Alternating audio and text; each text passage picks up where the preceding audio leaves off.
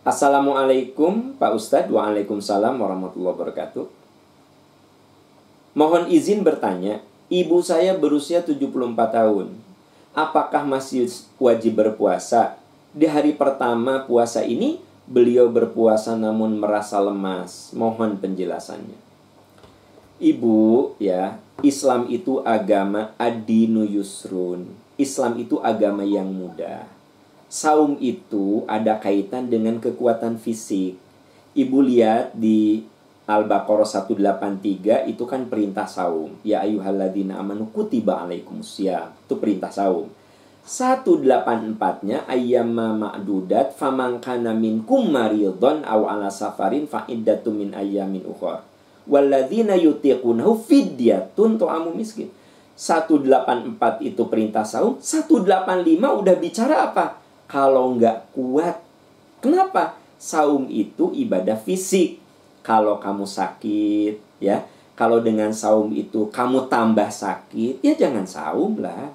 Kalau kamu safar dan safar itu sangat melelahkan, ya jangan saum lah. Ya kan begitu. Jangan puasa.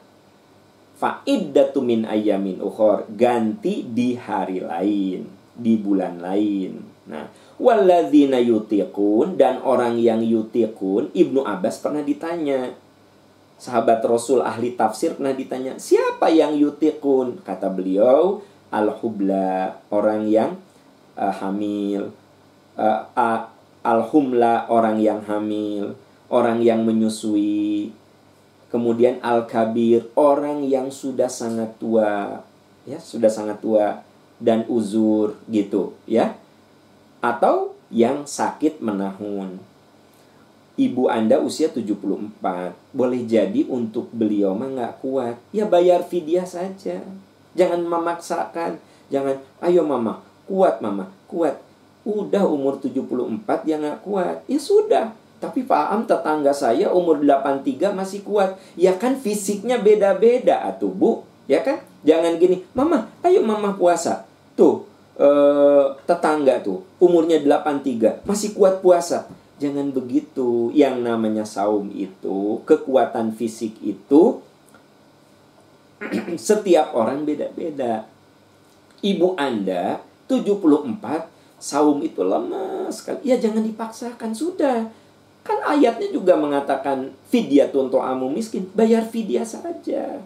Gitu bayar fidyah saja Kenapa? Itulah keringanan, ya.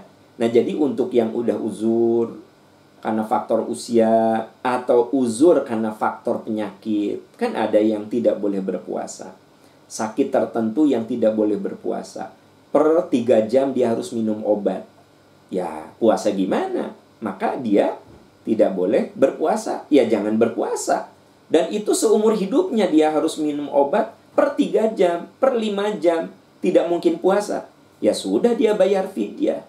Keluarkanlah fidyah sebesar yang biasa oleh ibu Anda makan. Sebut saja ibu eh, makannya sehari 20 ribu. Nah, kali beliau tidak berpuasa selama satu bulan misalnya 30 hari, gampang 20 ribu kali 30 hari. Keluarkan fidyahnya. Kalau ada rejeki di bulan Ramadan keluarkan. Kalau tidak ada rejeki di luar Ramadan juga tidak apa-apa. Sungguh adinu yusrun. Islam itu agama yang mudah. Ya, agama yang mudah. Bahkan sesuatu yang tidak boleh menjadi boleh. Wala adin fala.